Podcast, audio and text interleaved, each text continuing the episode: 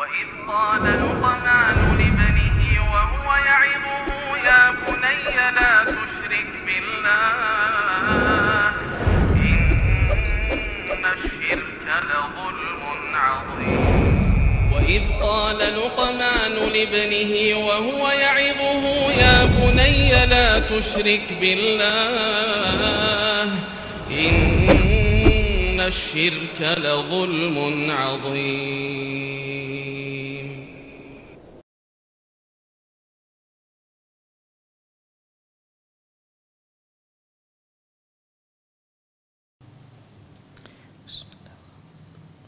السلام عليكم ورحمة الله وبركاته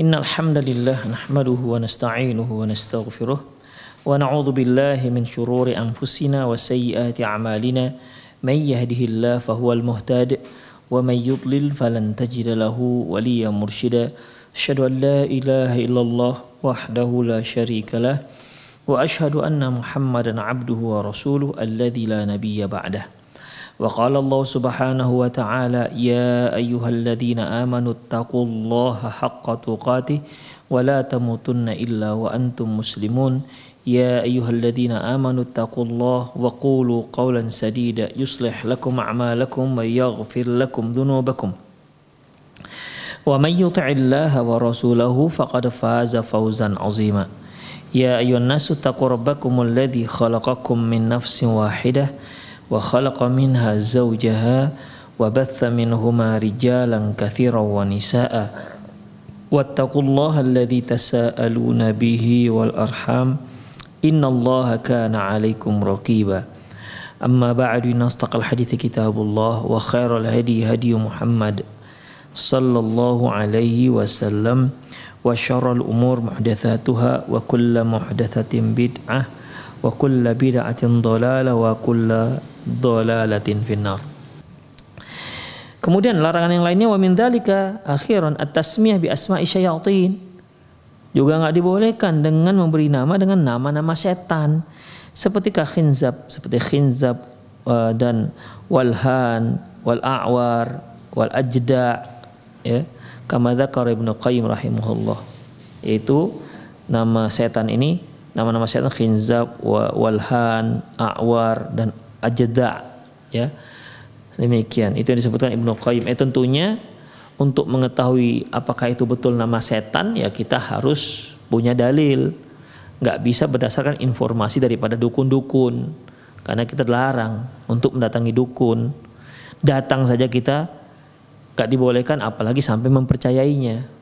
Ya mempercayai apa yang dikatakan oleh Pak Dukun man atakahinan aw arafan fasaddaqahu faqad kafaru bima unzila ala Muhammad. Barang siapa yang mendatangi dukun atau tukang ramal lantas dia percaya, berarti dia telah kafir terhadap agama yang dibawa Rasulullah Shallallahu alaihi wasallam.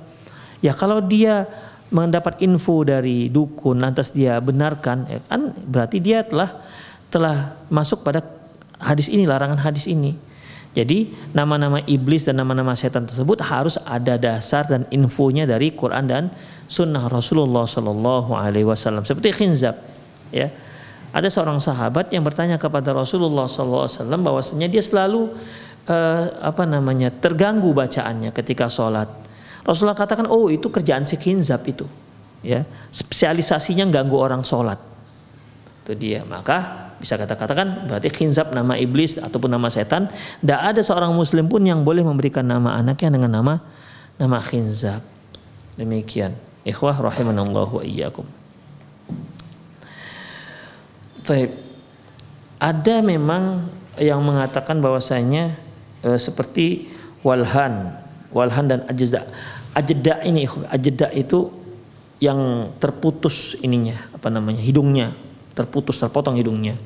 Wahlan itu walhan ini yaitu yang yang syadidul huzn, yang sangat sedih.